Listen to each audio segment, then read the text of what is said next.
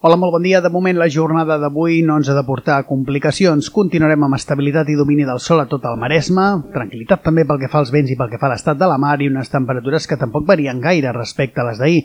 Així han estat les mínimes i les màximes passarà el mateix. Valors al centre del dia entre els 15 i els 17 graus. Demà dissabte augmentarà una mica la nuvolositat, però tampoc s'esperen precipitacions, per tant continuarem amb un temps força tranquil i amb temperatures que, doncs, eh, més o menys s'han de mantenir com avui, pujant una mica, però poca cosa.